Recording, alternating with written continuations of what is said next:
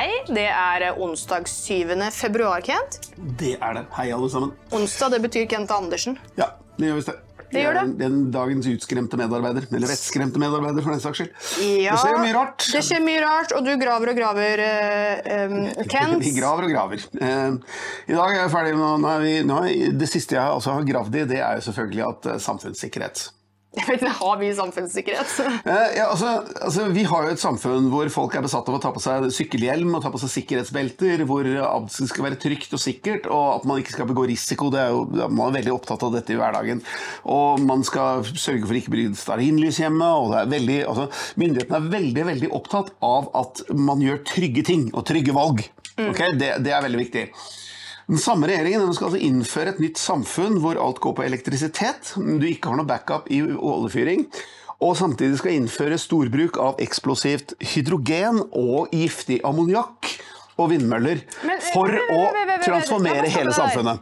Var det ikke det sånn spørsmål som gikk her, at man skulle slutte å bruke sånne gassovner i andre deler av Europa og USA fordi at det var så farlig, men hydrogen er Nå, eksplosivt? nå, skal vi, nå, skal, nå skal vi altså få et nytt samfunn som skal da lages, og, og hvor hele, hele, hele energisystemet skal da, skal da baseres på hydrogen. Og som er ekstremt eksplosivt og korrosivt og farlig. Um, samt da ammoniakk, som er selvfølgelig ekstremt giftig. Um, det skal baseres på strøm, så du ikke har noe backup. Alt skal gå på strøm, så du har ikke noe oljefyr backup. Og sånt noe. Og dette grønne skiftet, da tenker jeg som så at ålreit, når du skal innføre et samfunn som da går på brennbare batterier, som er umulig å slokke når det tar fyr, og hydrogen og sånt noe, da har selvfølgelig vi et institusjon som driver og undersøker farer og sånne ting.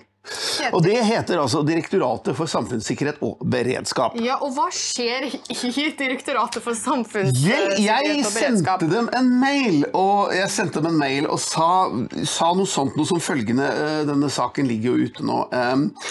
Jeg sendte dem en mail og spurte rett og slett om Da Norge, det norske Stortinget, sa ja til Paris-målene, eh, denne Parisavtalen, i 2015, og bestemte at Norge skulle da gjøre en grønn transisjon, altså et grønt skifte. Over da til strøm og batterier og hydrogen og ammoniakk og alle disse, alle disse nye klimaløsningene. Eh, Så medfører jo det en, selvfølgelig en ekstrem samfunnsfare. Det må det jo gjøre. Ja, Eh, Det høres relativt farlig ut å transportere hydrogen rundt over hele Norge, og alle skal begynne å bruke det.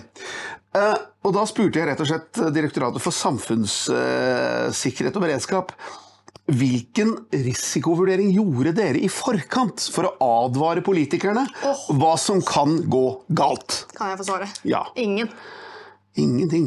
Ingenting. Ingenting. Som forventet. Eh, Så eh, altså, jeg fikk jo svar, eh, og det er litt morsomt, for det ligger da i denne saken. Dere får Vi kan få opp saken på, på Lese denne saken. skjermen her. Eh, Den ligger da altså som plussartikkel, og ja. for å lese den så må du nemlig ha abon abonnement, så skynd deg å skaffe deg det, Ja. og gå i dybden på hva Kent har klart å grave fram. Ja, fordi altså, Dette bekymrer meg litt.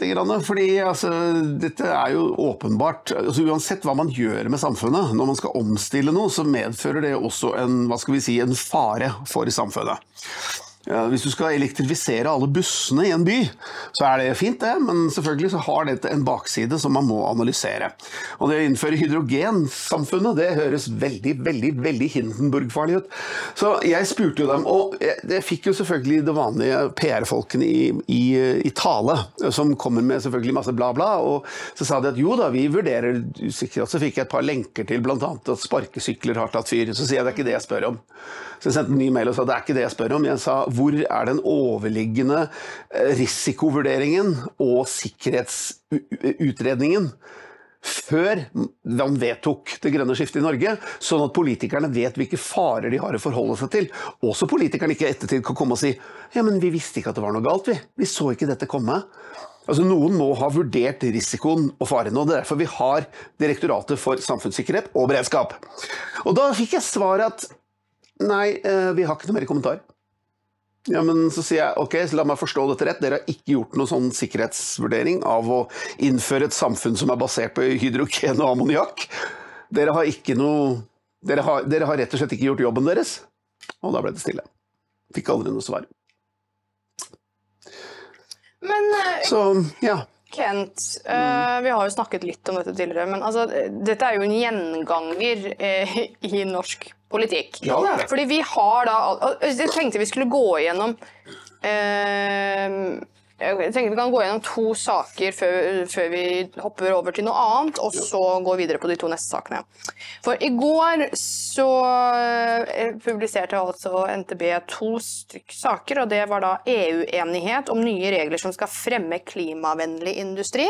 Ja, det blir noe fint. Det blir kjempefint, for dette har vi jo hørt så mange ganger før. Og da står det da altså um, at de, at de skal ha innen 2030, håper, hå, innen 2030 håper EU, de håper, å selv produsere 40% av produktene og utstyret som trengs for å kutte utslippene av klimagasser. Altså de jager fortsatt spøkelser. Eh, og da er det eksempler på dette. Solceller, varmepumper, nye strømnett. eh, og anlegg for å fange og lagre CO2. Igjen, jage spøkelser. Ja, altså Norge er jo godt i gang med dette. Eh, altså Jonas Gahr Støre, Noe av det første han gjorde, det var å starte opp dette såkalte grønt industriløft. Og Det er basert på hans tidligere uttalelser, altså før valget, hvor han sa vi skal leve av å redde klima. Vi skal altså ikke leve av profitt eller ting som lønner seg, eller vi skal ikke leve av Vi vi ikke leve av det vi er gode- å gjenopplive Einstein fra graven, liksom? Altså, du kan gjøre så mye munn til munn du vil der, men altså, det er dødt. Vi skal altså leve av eh, noe helt nytt, eh, som ikke nødvendigvis lønner seg, eller som er, vi si, eller som vi kan konkurrere i, eller som vi er best i. Men vi skal, vi skal leve av å, av å redde klimaet. Og det, det er jo ingenting i disse planene om grønt industriløft, eller en grønn, grønn industri, som tilsier at dette faktisk er lønnsomt, at man kan konkurrere på det, at, at Europa faktisk vil kunne gjennomføre dette, og det vil gå overskudd. Fordi overskudd det har ikke noe å si lenger i grønn industri. Eh, Da kan man bare bruke skattepenger og pøse inn i, subsidier. Og risikoen der også er jo også himmelhøy. Og, det ser vi jo allerede. Altså det, det, den risikoen har allerede eh, politikerne i Mo i Rana begynt å, begynt å oppleve. Mo i Rana har altså brukt halvannen million milliard kroner å bygge nye skoler for de 3000 nye menneskene som skulle flytte til Mo i Rana pga. batterifabrikken. De har, bygd, de har brukt 400 millioner på ny flyplass, fordi Freyr sa at vi trenger ny flyplass. Altså Man har satset absolutt alt på løftene om grønn industriløft i Mo i Rana gjennom batterifabrikken, og så sier da altså batterifabrikkeieren at nei, vi gidder ikke allikevel. Nei, vi drar til USA. Vi drar til USA isteden. Hva er mer subsidier der? Og hvor var egentlig risikovurderingen der? Ingen steder. Den, eller rett og slett, den var her. Eh, fordi selvfølgelig jeg, eh, i 2019 var det vel, så, så hadde jo Du var jo faktisk med på den artikkelen hvor vi faktisk tok kontakt med Freyr og spurte noen kritiske spørsmål rundt disse store batteriplanene i Mo i Rana. Spurte er, blir det batterifabrikk her, eller er det eventyr, eller hva er det for noe? Eh, Og de svarene vi fikk var vel ikke akkurat oppløftende. Nei. Nei, det burde fått de fleste politikerne til å si. Hmm, skal vi Kanskje vi skal revurdere det vi holder på med. Kanskje, kanskje vi skal være litt grann forsiktige med å tro på disse løftene. Veldig fint når, når, når, altså når industrimagnater og, og kapitalfolk kommer og sier at nå skal vi få 3000 nye arbeidsplasser i byen din. Så er det veldig fint å si ja, det høres veldig bra ut. Men man trenger ikke nødvendigvis begynne å legge alle kort opp i den kurven der, sånn hele samfunnet opp i kurven, i troen på at dette faktisk er sant. Fordi ingenting er sant før det faktisk er sant. right? Og denne, denne manglende risikovurderingen i samfunnet, den, altså, den øker hele tiden. Men vi ser jo at dette smykkes jo med veldig fantastiske ord. Vi var inne på noe før vi satte i gang her, Kent, og det var det vi, vi snakker jo en del om dette med bøndene. Ja. Eh, og de, de har jo en klimakalkulator og noen mål de skal nå. ikke sant? Og, og, I forhold til dette med grønn industri, vi skal komme tilbake til dette i en senere sending, men eh, dette med klimakalkulator her, altså En av målene da til Norsk Bondelag og Norsk eh, Småbrukerlag Hva er det det heter? Småbrukerlaget? Ja. Og regjeringen er da altså å benytte bøndenes jorder til å lagre brusbobler, altså CO2. Altså, skal ikke det brukes til å, å, å produsere mat, eller mat til dyr, eller altså her, altså Alt handler da om dette grønne skiftet, som du jo sa, Kent. Altså Det er, sånn, det er skylapper, det er ikke skylapper engang. Du har liksom bare stappa huet ned i en sånn dorull, og det er der du bor, på en måte. Eh, og det ser vi jo eh, også med denne saken eh, fra EU-kommisjonen. fordi har, det er jo, Først så var det da Agenda 2030. Nei, det var noe før det òg. Var det det? Ja. ja, ja det var det sikkert. Tidligere årstall. Og så ble det Agenda 2030. Og nå går, og da skal vi kutte Hvor mye mange, mange prosent var det vi skulle kutte innen 2030? Ja, altså, det har vært Det har variert mellom da 50 og 55 ja. innen 2030. Og så skal da innen 2050 så skal da altså hele Europa og Norge være avkarbonisert. Ja, lykke til med det. Avkarbonisert. EU-kommisjonen sa i går at eh, de anbefaler 90 utslippskutt innen, hold deg fast, 2040.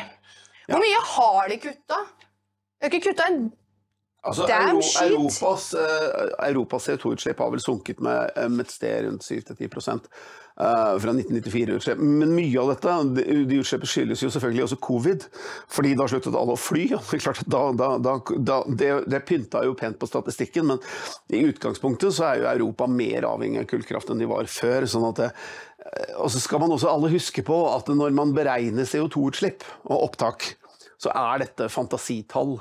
Det er ikke, det er ikke, altså de fremstilles som disse tallene her kan liksom, er absolutt sikre på desimalen. Det er de ikke. Dette er, dette er rett og slett, Det finnes ikke noen sikker måte eller noen garantert måte å beregne et samfunns CO2-utslipp eller opptak på som, som gjør at man kan beregne dette politisk på desimalen slik det fremstilles.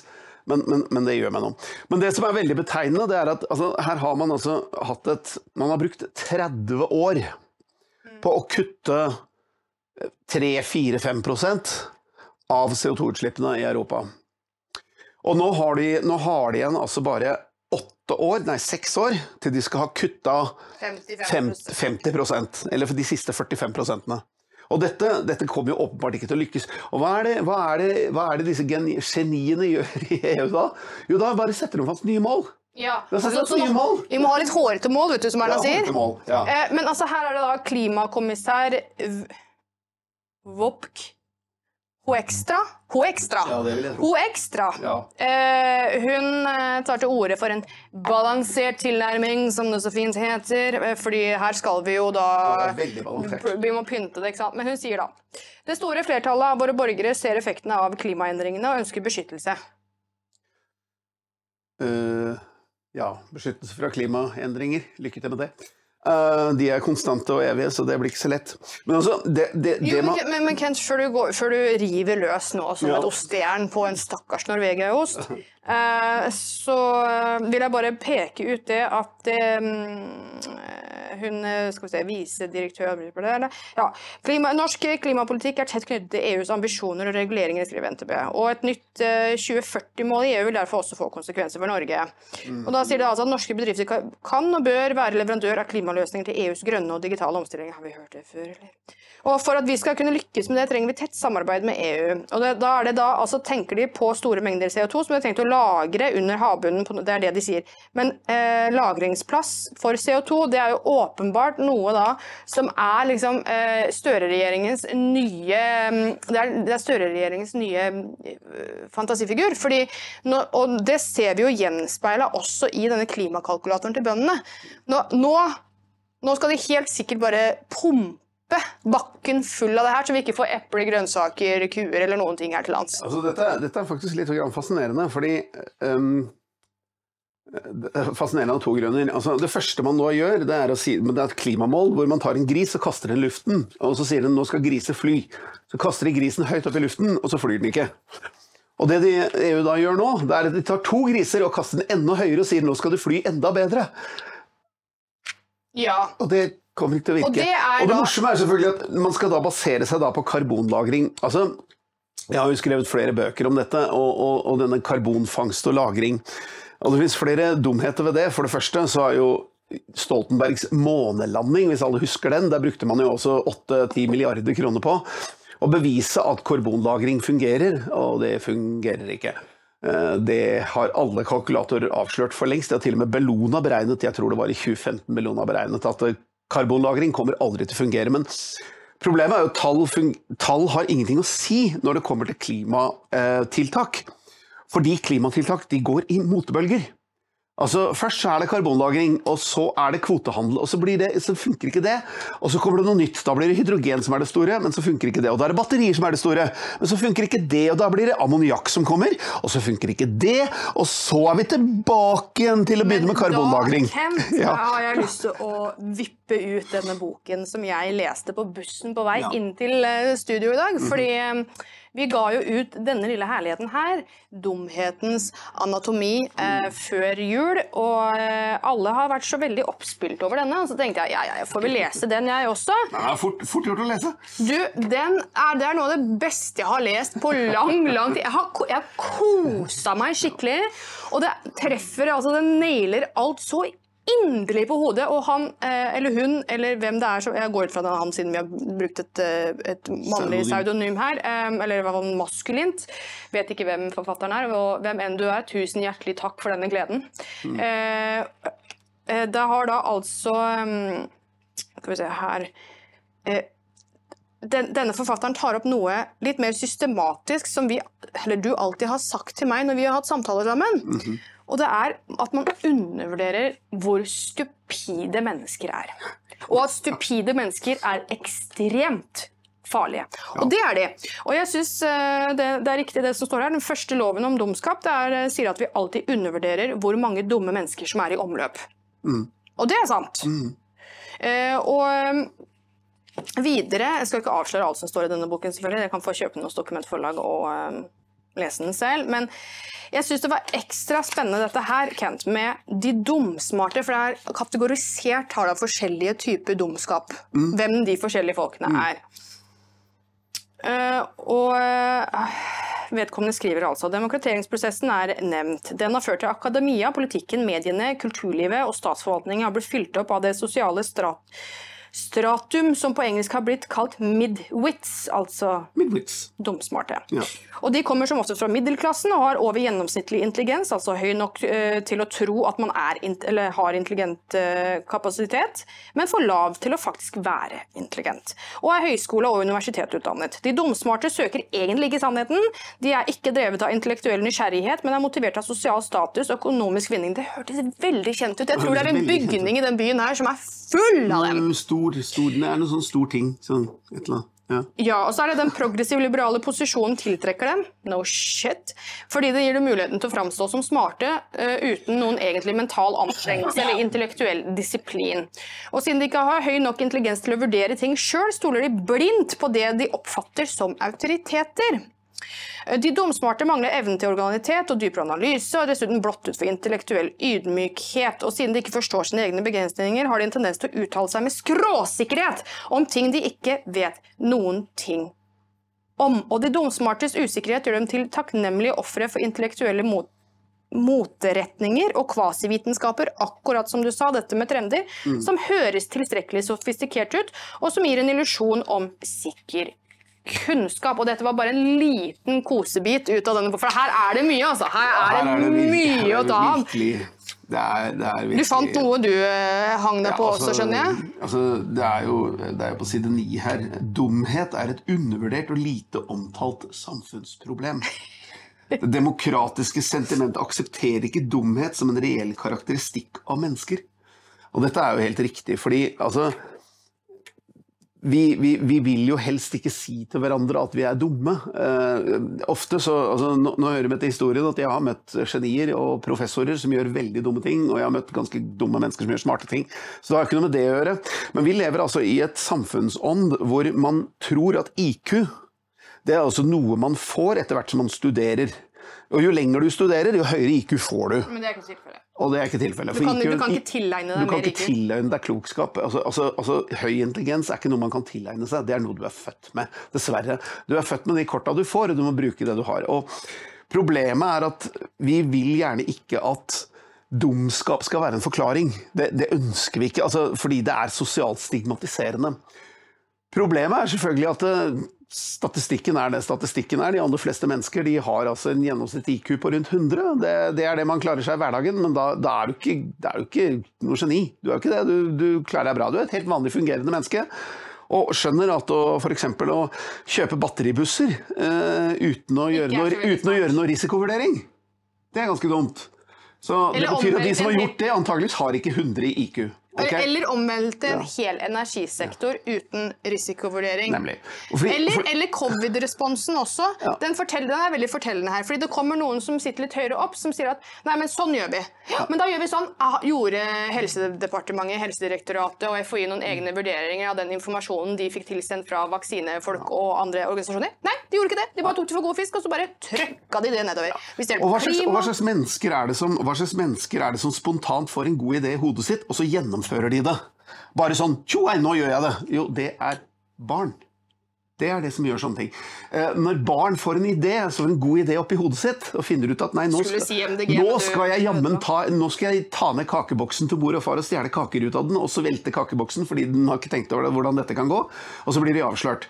Eh, og, og, det, og, det, og det gjør barn, fordi barn er ikke Men Kent, jeg har, jeg har et veldig annet bra eksempel også. Ja. fordi jeg har jo barn i familien, mine nevøer. Jeg hadde jo gravd ut hele eh, aska inni peisen utover hele stua Mm. her en morgen. Da foreldrene våkna. Jo, altså, og, og, og det er nå engang sånn at hvis du, har, hvis du er voksen og du har 100 IQ, så når du gjennomfører Nå skal jeg jammen, skal jeg jammen klatre på en stige, og så skal jeg male veggen. Eh, og hvis du da ikke evner å sjekke om den stigen står trygt Altså Alle med 100 IQ, alle voksne mennesker med 100 IQ, de gjør det. De, de skjønner at dette kan gå galt. Og Hvis du da gjør, gjør noe uten å tenke over det, så kan man automatisk gå ut ifra at enten så er det et barn som handler, eller så er det et menneske som ikke er så veldig smart. Så, og dette er veldig avslørende, fordi altså, altså, the proof is in the pudding. Når man kjøper inn batteribusser uten å gjøre en risikovurdering, ja, så er det enten barn som gjør det, eller så er det dumme mennesker som gjør det. Men den forklaringen kan vi ikke bruke, og jeg kaller det Eva Braun-syndromet. Ja, for du har også skrevet om dette. Ja, jeg har skrevet i bøker, fordi det er veldig fascinerende. Du skjønner, Eva Braun hun var jo elskerinnen til, til eh, Adolf Hitler. Og det er skrevet sikkert 100 bøker om Eva Braun, og hva var hennes motiver? Hvorfor gjorde hun som hun gjorde? Hvorfor opptrådte hun som hun gjorde? Og i ingen av de bøkene så er det noen som engang har berørt egentlig den helt åpenbare forklaringen. Hun var dum som en er Hun, hun, hun, hun, var- hun var knepp, hun, hun har kneippbrød mellom øra. Hun det er- var rett og slett 75 i IQ. Forfatteren skriver det her om Ja. eh, Nazi-Tyskland, Ja. opptrappingen her. Altså, det, det, er, for- det er veldig beskrivende. Og jeg har jo også skrevet en bok om dette i 2017 som heter altså 'Godhetens tanketomme ondskap'. Og grunnen til det, det er at det, eh, dette, denne, jeg ble veldig fascinert av denne Eva Braun-historien. fordi etter hvert som jeg så liksom, altså alle, let, alle, alle intellektuelle lek, lette desperat etter, etter, etter forklaringer. og forklarings, Et motiv. og Hva var det som drev henne? Hva var det som, hvorfor gjorde hun som hun gjorde? Men altså, ingen av dem var i stand til å tenke seg eller si høyt at hun var idiot. Hun var dum. Hun var rett og slett bare dum.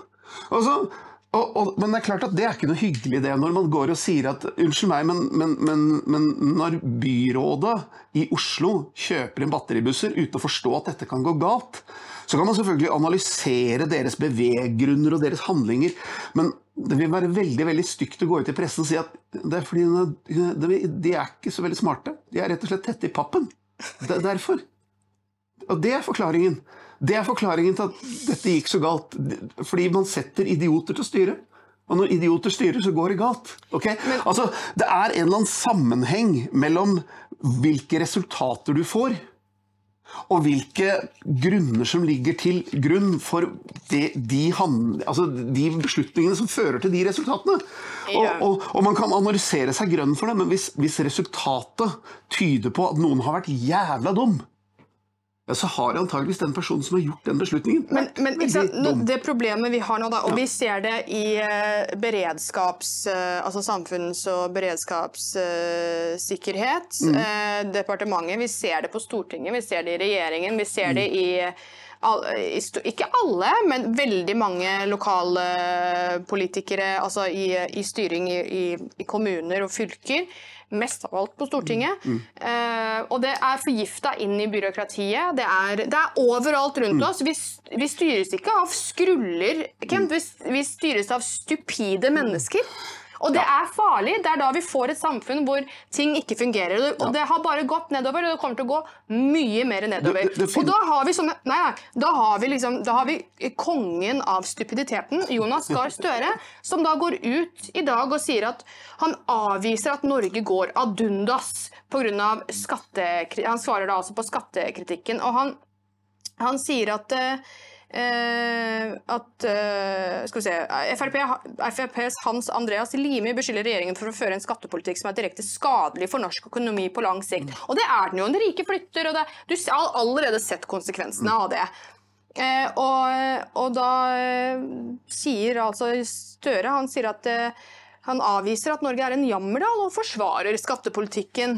Altså, det, det, er, det er bare sånn, det er null Den, der, den intellektuelle ydmykheten, hvis det var noe intellekt der i det hele tatt, er jo fullstendig fraværende. Det er disse midvits, disse smartdumme folka som klarer å komme seg opp, men som ikke klarer å gjøre noe nytte for samfunnet whatsoever, annet enn å bare destruere det fra toppen og ned. Nei, altså jeg, jeg skrev jo en, eh, en kronikk om dette her, hvor eh, kommentatoren i eh, VG hadde skrevet da om, om, om Støre.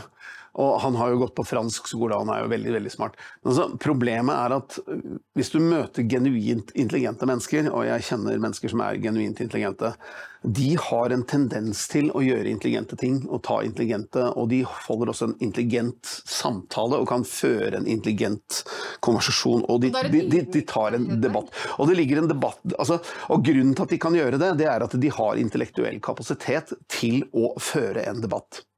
Men når du snakker med mange av disse menneskene som styrer Norge i dag, og spør liksom Ja, men, ja, men hva, hva, hva har du tenkt over at du skal da innføre hydrogen som, eh, som, som energibase i hele Norge?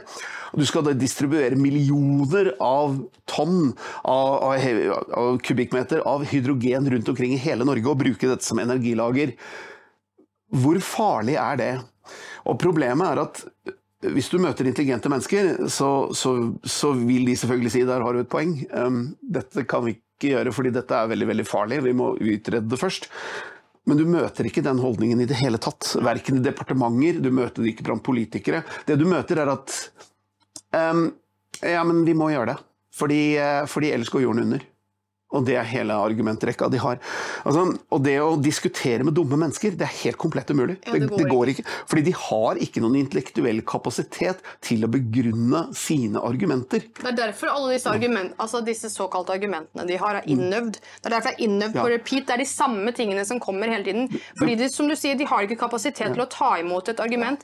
Reflekt, tenk over det, reflektere det, ta det inn over seg, tenke og vri på det og spytte noe ut igjen. Da er det bare, det, går, det sier stopp, og så bare kommer disse her innøvde papegøyefrasene. Ja, og en av de vest klassiske altså disse tingene og disse menneskene som er ikke så veldig smarte, de har selvfølgelig de har gått på universitet og de har gått gjennom alle turnøvelsene for å få en eller annen bachelor eller master, eh, som de har kopiert, selvfølgelig. Og alle blir overrasket over at disse menneskene ikke har juksa seg til uh, titler. Jeg er ikke overrasket. Uh, altså, hvis du, hvis, du, hvis du diskuterer med dem, hvis du, hvis du faktisk kommer i en diskusjon med dem, kommer forbi PR-veggen uh, som de omgir seg med, eh, for de har alltid masse PR-agenter og sånn som svarer for dem.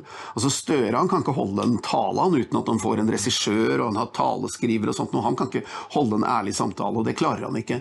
Eh, 130 PR-rådgivere jobber bare i Oslo rådhus bare for å fortelle hvor flinke disse, disse politikerne er. Og problemet er at når du begynner faktisk, hvis du kommer i en diskusjon med dem, og så svarer de en sånn innøvd frase som er alltid 'kan du dokumentere det'?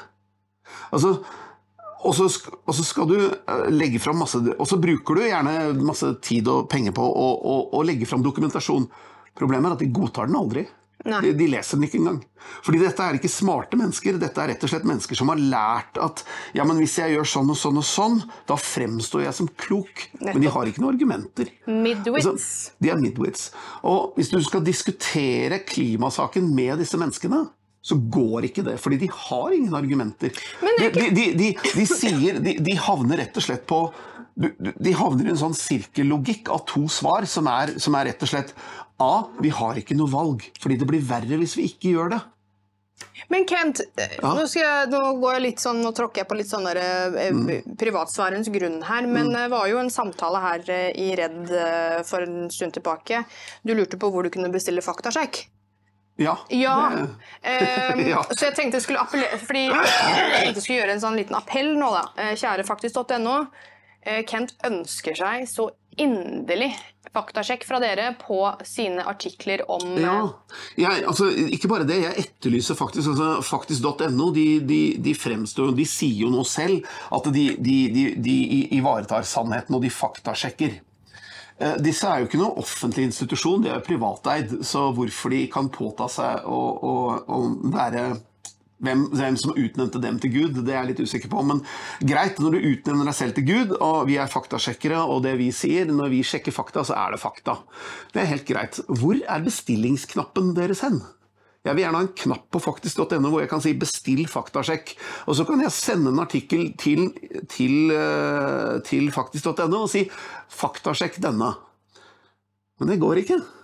Fordi faktisk.no de faktasjekker bare det de har lyst til å faktasjekke, eller det de får ordre om å faktasjekke. Og svaret blir alltid i henhold til det de bestillerne gjør. Men jeg vil ikke ha det sånn, jeg. Jeg vil gjerne at dere tar artikkelen min om, om, om samfunnet, Direktoratet for samfunnssikkerhet, og så faktasjekker dere den artikkelen og ser om det er noe feil i den. Fordi alle vet at hydrogen er eksplosivt. Alle vet at ammoniakk er ekstremt giftig og farlig å håndtere. Alle, det er en samfunnssikkerhet, samfunnsfar, definitivt. Alle vet at disse batteriene som nå skal drive alle biler, lastebiler, kjøretøy og absolutt alt i Norge, disse batteriene de er utslukkelige når de først tar fyr. Enten de tar fyr selv, eller om de er inni et hus som tar fyr, så, så er det altså umulig å slokke brannen. Og dette representerer en enorm samfunnssikkerhet, så hvor er egentlig knappen jeg kan trykke på på faktisk.no, hvor jeg kan bestille faktasjekk? Fordi hvis det skal være sånn at faktasjekkere skal avgjøre hva som er sant eller ikke i samfunnet, ja, da må det også være sånn at alle som har en mening, eller som har gravd opp noe av, av, av fakta, kan få faktasjekket det etter bestilling. Men sånn er det ikke. Vi får se hvordan det blir nå da, etter eh, dagen i dag, Kent. Gonna Eh, Jeg tror vi skal runde av der. Nå har vi styra på her eh, fælt, så eh, da takker vi for i dag. Og så igjen nok en gang løp og kjøp, liksom. Og den, er- den er utsolgt fra forlaget. Ja, den er utsolgt fra forlaget. Den får du ikke. Men du får kjøpt den! ja. Og den leser du på ca. 30 minutter. Og i mellomtiden kan jeg forsikre om at jeg er dum som en dørhåndk. Jeg er ikke smart i det. Jeg pleier å si det, jeg skulle ikke vært dum, jeg, vet du. Nei, Da jeg er sier vi takk. Takk for i Takk, dag. takk for i dag.